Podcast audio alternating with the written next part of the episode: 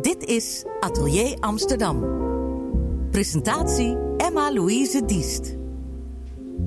Vandaag zijn we met Atelier Amsterdam te gast bij Jan Jansen, de ontwerper die ons in Nederland voor het eerst kennis liet maken met kunst van de schoen. En ik zit bij hem eh, in zijn kantoor in Amsterdam. Pontstijger, een prachtig uitzicht. Nou, ontzettend fijn dat, we, dat ik even langs mocht komen. Ontzettend bijzonder ook. Hartelijk welkom. Ja, we zitten al een beetje uh, tussen de schoenen. Uh, als ik zo om me heen kijk, ik zie achter mij allerlei leesten hangen. Waar kijk ik naar? Uh, dat is een aantal leesten, een stuk of tachtig leesten die ik door de jaren heen gebruikt heb voor mijn collecties. Dat zijn de recente leesten, zijn oude leesten van de zestiger jaren, van de, negentiger jaren. Het is een, een, kleine greep uit de grote collectie leesten die ik heb. Ik heb er uh, honderden. En hier hangen er maar een stuk of tachtig. En waar zijn die anderen dan gebleven? Ja, die zijn, uh, die zijn opgeslagen, op, opgeslagen in, in, twee opslagruimtes. Eén uh, is het Coda Museum in Apeldoorn. En de andere is bij een firma Peter Erren in Arnhem. Dat, want het is, ik heb, mijn collectie is 4000 stuks groot. En dat is, uh, denk ik, wat sommige mensen zeggen, de grootste uh, schoenencollectie uh, ter wereld. Die bewaard is gebleven en door één man ontworpen. Dus, ehm, en ja, dit, kan ik natuurlijk hier niet thuis hebben. Dus die staan in kisten opgeslagen. Te wachten tot nog, misschien nog ooit een keer een overzichtstentoonstelling komt. En er is net een tentoonstelling geweest in Apeldoorn. Hoe is dat als je dan weer die doos openmaakt en het weer kan laten zien? Hoe voelt dat? Ja, dan zie je je oude babytjes uh, weer terug. En dan denk je, goh, oh, die heb ik in geen twaalf jaar gezien. En dan uh, komt het weer allemaal uh, boven. Dat is ontzettend voor mij ook heel erg leuk om te zien. Maar het is denk ook voor uh, mensen van mijn generatie heel leuk zeggen: ja, die heb ik nog gehad, die heb ik gedragen. En, en voor jonge mensen die nooit van mij gehoord hebben, zeg, die, is het een, uh, een soort uh, openbaring. Zeg, van, God heeft dat bestaan in de jaren 60, 70. Ja, want je hebt het dan over het begin toen je net begon met het ontwerpen van schoenen. de jaren 60, 70 had je je eigen winkel en toen, ja, toen ging het eigenlijk ineens heel erg leven. Um, kan je iets, als je zou vertellen aan de nieuwe generatie of iets zou willen vertellen van die tijd, wat zou je dan vertellen? Um, ja, dan denk ik aan, uh, aan onze kinderen. Aan, uh, we hebben twee zonen en die zeggen van, die zijn in de zestiger jaren uh, geboren. En zeggen, goh, wat hebben jullie een leuke tijd meegemaakt hè? Toen, toen jullie teenagers waren en toen zij nog niet geboren waren of nauwelijks geboren, net geboren waren.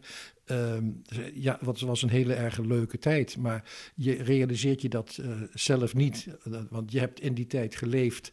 En dan denk je van, uh, ja, dat je vond alles normaal. Je hebt nooit uh, een dag opgestaan en zeg je, jeetje, wat leef ik in een bijzondere tijd. Helemaal niet. Je leeft gewoon in de tijd. Ik denk net zoals vandaag, dat niemand staat op en zegt, jeetje, wat is 2019 een ongelooflijk bijzonder jaar. Maar dat kan het misschien over 50 jaar wel zijn. En wat is er als je nu terugkijkt naar die periode? Dat kan je nu wel doen. Je kunt nu wel zeggen, wat, dat was eigenlijk heel bijzonder. Kan je zoiets noemen?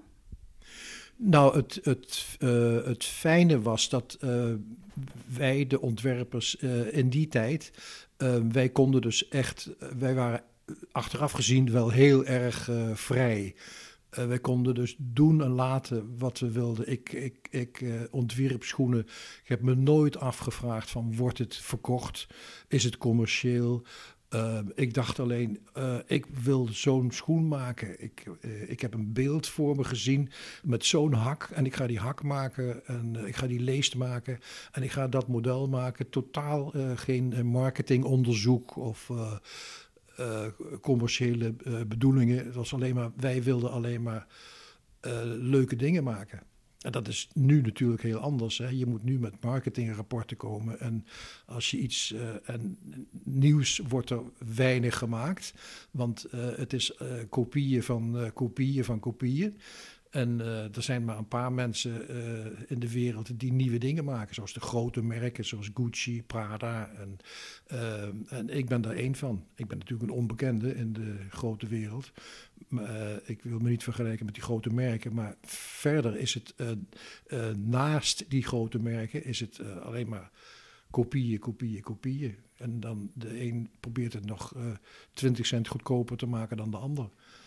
En, eigenlijk een heel ander vak waar je het dan over hebt. Ja, ja, dat is een heel ander vak. En uh, wij, collecties werden toen uh, in mijn tijd ontworpen door ontwerpers. En nu heb je voor grote bedrijven, heb je, zijn de stylisten zijn veel belangrijker geworden dan de ontwerpers.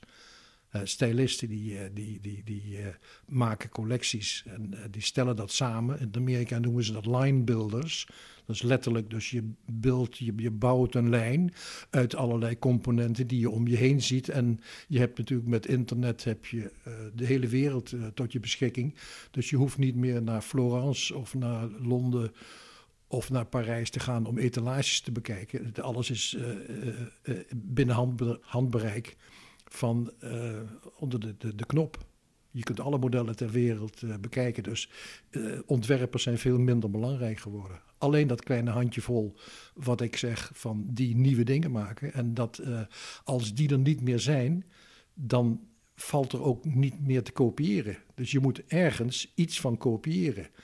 Dus er moeten toch wel weer steeds nieuwe dingen bedacht worden. Maar die klinkt ook een beetje als een uitgeputte zaak dan, waardoor je op een gegeven moment natuurlijk als er niks nieuws komt in die cirkel, dan blijf je ongeveer, dan, op een gegeven moment houdt het op, dan droogt het op. Op een gegeven moment droogt het op, dat is precies wat je zegt, ja. ja. Maar als we het hebben over het ontwerpen, dan zie ik je ook helemaal opglimmen. Dan, dan, dan, dan, ja, want daar, daar gaat het eigenlijk om. Het bedenken van een nieuw ontwerp of een nieuwe leest en dan aan de gang gaan en ook echt aan het werk gaan. Zoals je eigenlijk ook al zei, een bijzondere tijd, maar we vonden het heel normaal. Er werd ook hard gewerkt. Um, Kan je omschrijven hoe dat was uh, om je eerste ontwerp te maken? Niet het allereerste, maar dat echt helemaal toen je begon. Het bedenken van een idee en dat dan uiteindelijk verwezenlijken. Dat je merkte, hé, hey, ik kan daar dus wat mee met dat idee wat ik heb.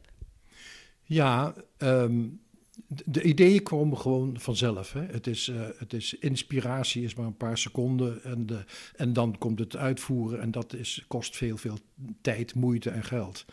Maar het, de ideeën die komen, uh, een stroom aan ideeën die zeggen: Oh, ga die schoen maken, ga die schoen maken. Je kon niet wachten tot die klaar was, want dan had je de volgende alweer.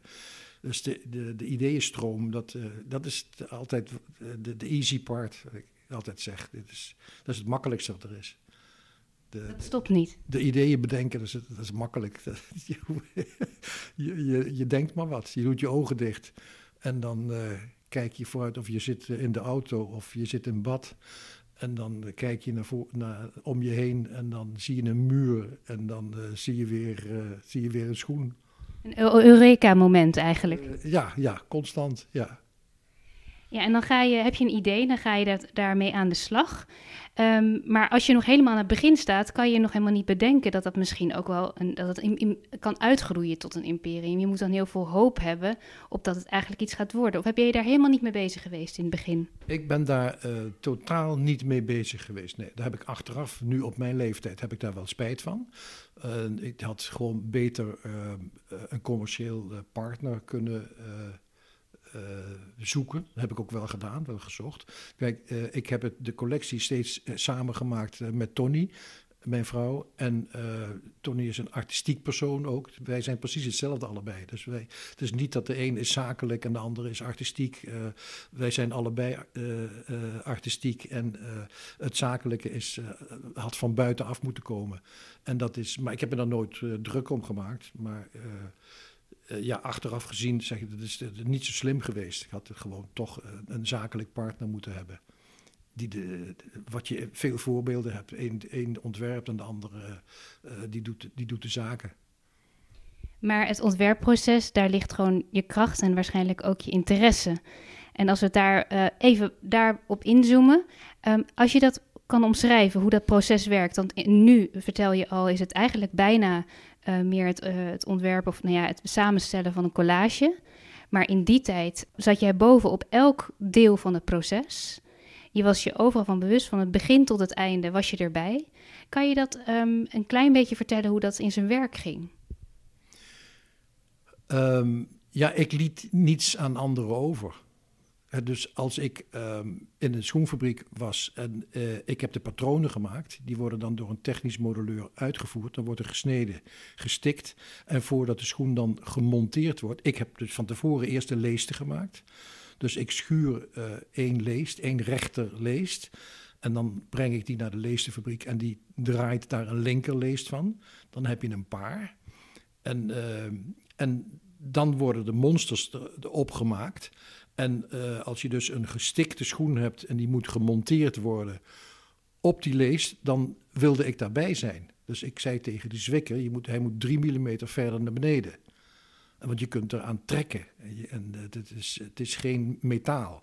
Het is leer. En, uh, dus je, je kunt dat sturen een beetje. Dus, en elke fase van het produceren van een monster, daar was ik bij.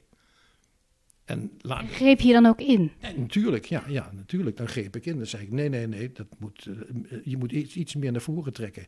En iets meer naar achteren trekken. Ik kon het bijna zelf, maar ik liet het hun doen, want zij moesten het later in de productie ook doen. En waren ze dat gewend? Zoveel um, bemoeizucht misschien, ja, dachten zij? Nee, nee, dat waren ze totaal niet gewend. Je zegt van, van, waar bemoei je je mee? Teken jij nou maar schoentjes en laat de rest maar aan mij over. maar zo was het niet. Ik zeg, nee, jij moet gewoon die schoen zo erop trekken zoals ik het wil. Dus dan is denk ik ook die relatie met degene die je daar dan ontmoet in de fabriek ook wel heel erg belangrijk.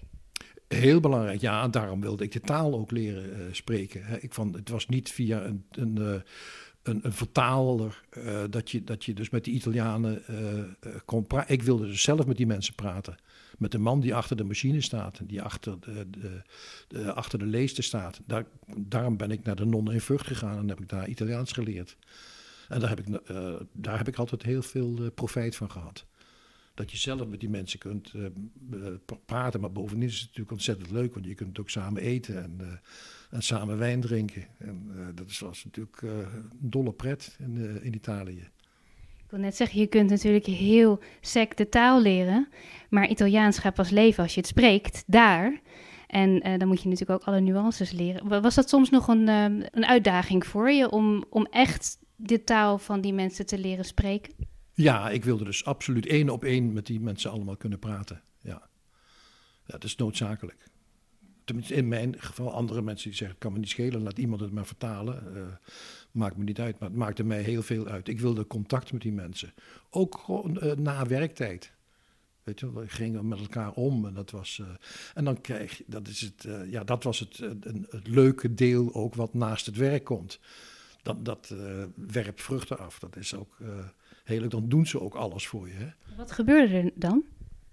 Nou, dan kreeg je, je kreeg een band en dan had je de volgende dag in de fabriek niet... Uh, ja, Jan, je moet niet zo moeilijk doen. Uh, toen snapten ze wel dat ik moeilijk was. Ik zeg altijd, ik ben een hele makkelijke man.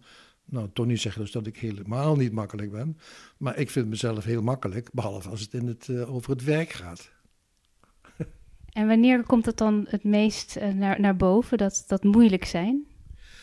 Um, het, met, uh, dat het, het, het, eindresultaat er niet zo uitkomt zoals ik wil.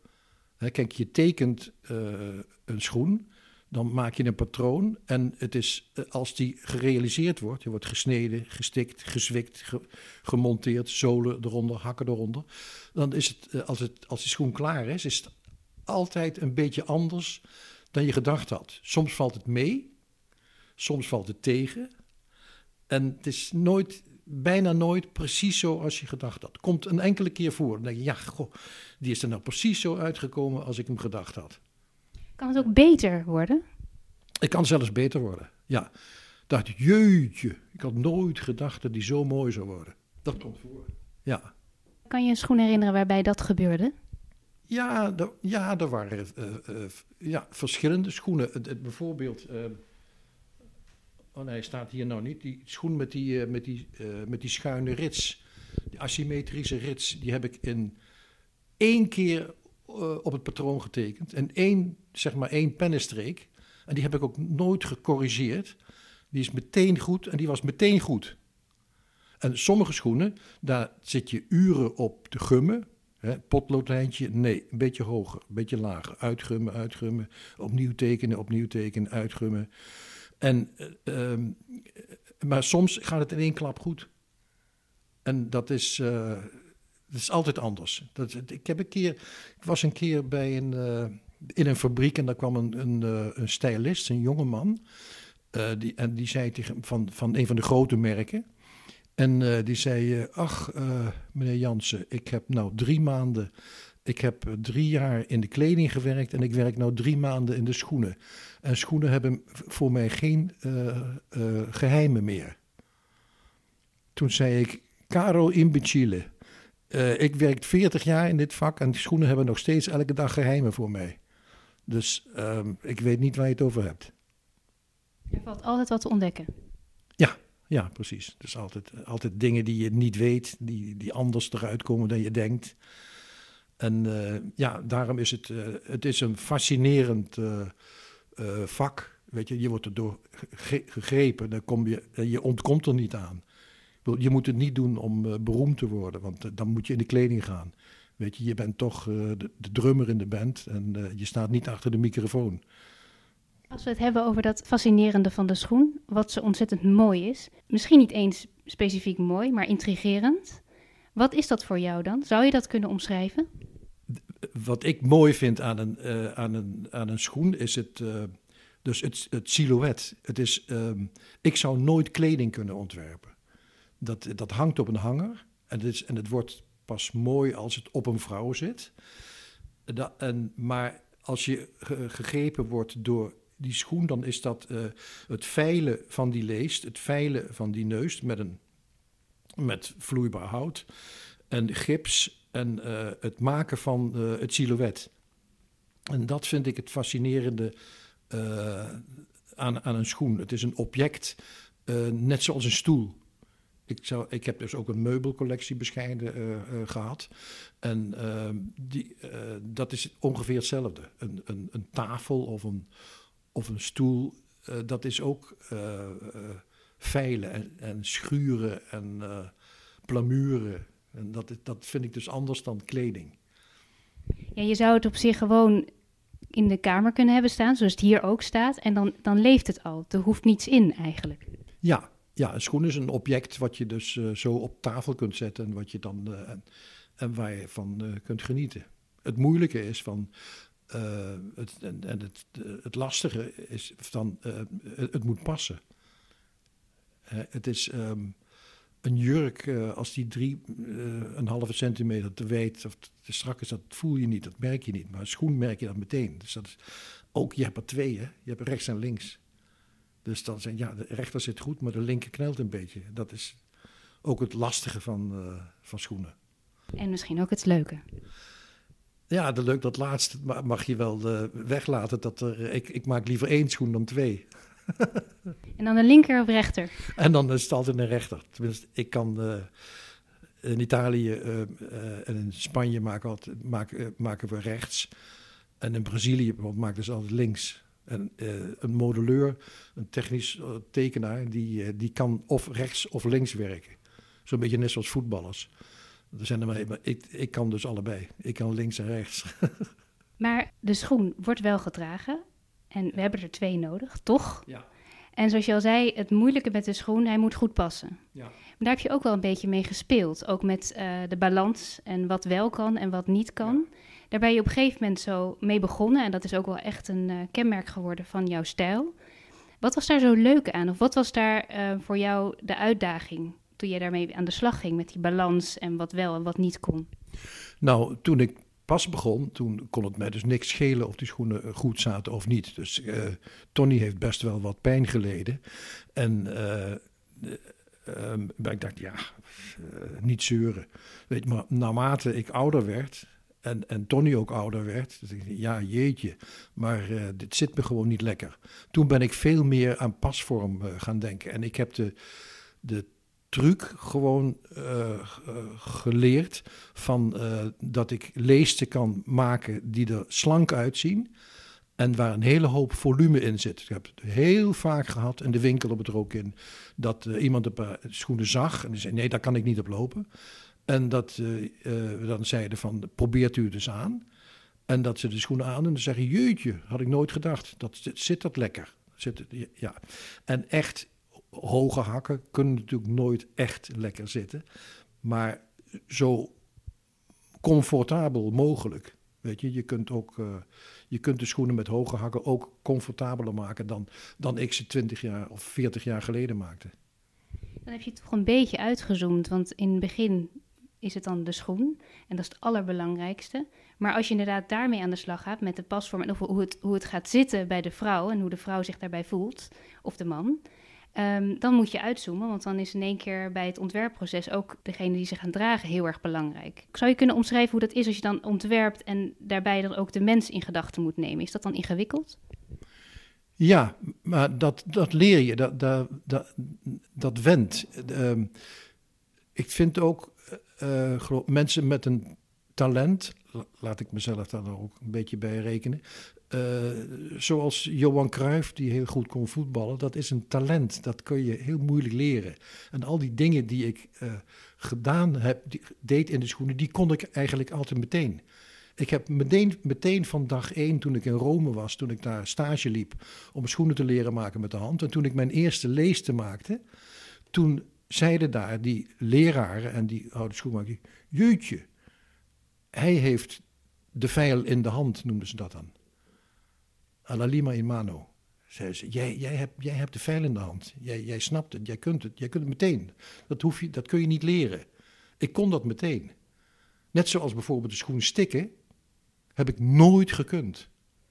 Geprobeerd en geprobeerd en geprobeerd. En ik had daar dus absoluut geen talent voor, geen, geen grip op. Ik heb nooit onder een naaimachine kunnen werken. Maar, maar, maar wel uh, het schuren van een leest. Dat is een talent wat je hebt of wat je niet hebt. Wat er ook wel vaak zo is met een talent, um, je wordt heel gelukkig als je daar iets mee kan doen. En het kan soms ook je wat ongelukkig stemmen als je er niets meer mee kan doen. De winkel uh, op het Rokin, die is er niet meer. Er zijn ook wel vrij weinig, waarvan ik weet, uh, ontwerpers die hun schoenen zelf helemaal maken in Nederland. Gaat het dan nog niet kriebelen of uh, kan dat ooit stoppen? Nou, ik zou als iemand een nieuwe Jan Jansen winkel uh, zou willen openen, zou ik dat meteen doen. Als ik niet verder uh, financieel en, en, organisatorische dingen mee te maken heb. Als ik alleen maar de, de schoenen hoef te ontwerpen, dan zou ik ontzettend graag uh, een winkel weer willen hebben. Tony heeft dat 40 jaar gedaan. En toen die winkel van de ene dag op de andere gesloten werd door, door Aardenberg, door de firma waar hij mee in zee was, toen uh, was dat uh, heel, heel pittig, heel zwaar. Dat was, we hadden het liever een beetje langzaam afgebouwd. Maar van de ene dag op de andere dag moesten we eruit. Omdat hij het huurcontract uh, overgedaan had aan, aan die Nutella-winkels. Ongelooflijk eigenlijk. Ja, ja. Dus nou, ja. Dus, maar ja, dat, is, dat, is, was niks aan te doen. En als je nu kijkt naar de mode in Nederland en ook als we kijken naar de schoenen, wat zie jij dan? Um, de, de, mode moet je mij niet vragen, daar heb ik geen verstand van. Maar de, de, en de schoenen, uh, ja, dat je overal dezelfde schoenen ziet. Je ziet dus heel duidelijk dat uh, uh, ketenwinkels, die hebben in de Kalverstraat links een winkel en, en 50 meter verder rechts een winkel. En die mensen gaan zigzaggen. En dan denk je, hoe, hoe, wat heeft dat voor zin dat je twee van die winkels hebt? Ja, dat schijnt zin te hebben.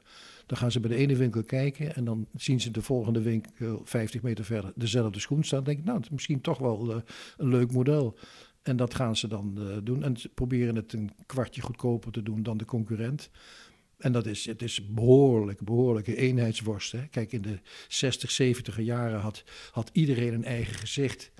Uh, dan had je uh, Pukkenhans, dan had je Fred Feijen, dan had je ehm, verschillende uh, schoenenmerken. En dat was allemaal uh, een eigen gezicht.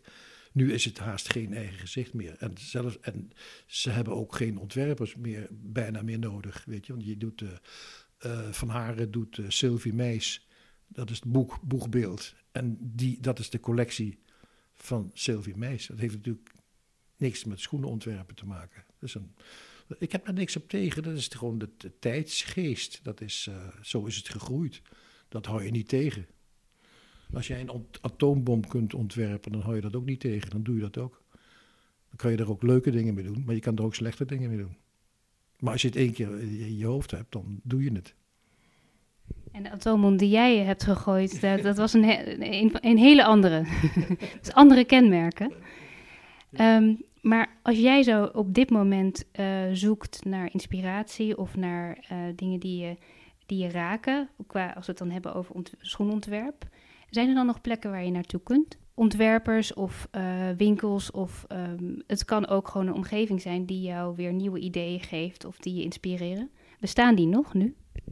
Nou, je, je, je wordt altijd overal door geïnspireerd. Dat heb ik van jongs af aan gehad en dat heb ik vandaag uh, hetzelfde. Je ziet een blad van een boom afdwarrelen en dan uh, zie ik daar een hak in.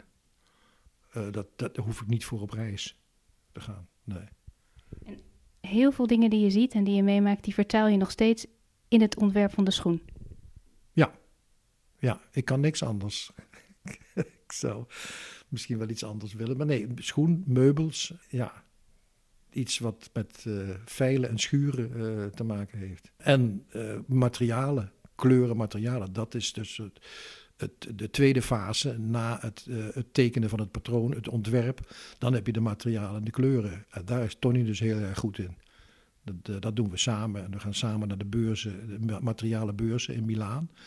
En ja, Tony heeft een, een feilloos oog voor dat is beter dan dat. Snel, heel snel. En dat betekent dat je eigenlijk altijd aanstaat en constant daarmee bezig bent. En steeds weer alles wat, wat je meemaakt opslaat. Voor het geval dat je het misschien nodig hebt. Dus als ik, kan ik daaruit opmaken dat het eigenlijk een kwestie van tijd is dat je weer wat nieuws gaat maken. En dat je gewoon ja, toch weer met een nieuwe lees bezig bent. En ja, toch dat veilen weer op gaat zoeken. Ja, kijk, toen die uh, overeenkomst met uh, Aardenberg uh, afgelopen was en toen de winkel op het Rookin gesloten werd, toen had ik ook geen importeur meer en geen fabrikant meer.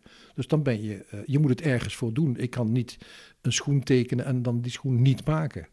Dus al die tijd heb ik een beetje met, met mijn handen gebonden gezeten. En heb ik niks, eigenlijk niks meer kunnen doen. Alleen de mannenschoenen in Nederland gemaakt door Chris Verschuren. En uh, dat eh, gaat nog steeds door. Dat is uh, een fantastisch product en met heel veel plezier. En dat, dat is heel leuk, heel leuk om te doen. Maar de dameschoenen dus, die ik in Portugal altijd heb gemaakt, dat heeft een paar jaar stilgelegen. Maar die assistent van mij, waar ik 15 jaar mee gewerkt heb, die uh, blijft me steeds bellen en zegt: Kom nou terug. Ik zeg: Ja, joh, ik kan niet terugkomen, want ik, ik heb geen importeur en ik heb geen, uh, geen distributiekanaal. Maar ik ga het nou toch doen. Ik ga volgende week ga ik er weer naartoe. en dan zie ik wel waar het schip strandt. De aanhouder wint. Ja, die kan niet anders. En uh, ja, je verheug je erop? Heel erg, ja. Ja, dat verheugt me heel erg op, ja. ja. Ja, ik ben pas 78, hè. Het duurt nog heel lang voordat ik 90 ben. Dus ik moet wel wat doen, weer. En nu je die beslissing hebt genomen om naar Portugal te gaan, wat gebeurt er dan in je hoofd? Dan uh, heb ik weer uh, tien dingen waar ik er maar drie van kan uitvoeren. En die ga ik dan zo goed mogelijk doen. Mogen we iets weten van die tien dingen? Eén van die tien dingen? Um, ja, ik, heb, ik, ik ben nou een beetje bezig met uh, een heel ander voorstuk dan een, ach, en een, een ander achterstuk op de schoen. Maar dat weet ik zelf nog niet. Klinkt heel mysterieus. Ik, ik weet zelf niet hoe dat moet, maar daar kom ik wel achter. Goede balans vinden wellicht. Ja, ja. Spannend. En, uh, ja, heel spannend. En ik hoop dat, het dan weer, uh, dat ik het weer kan toevoegen aan mijn uh, grote collectie van 4000 stuks. Dat, uh, dat er weer twee of drie dingen bij komen.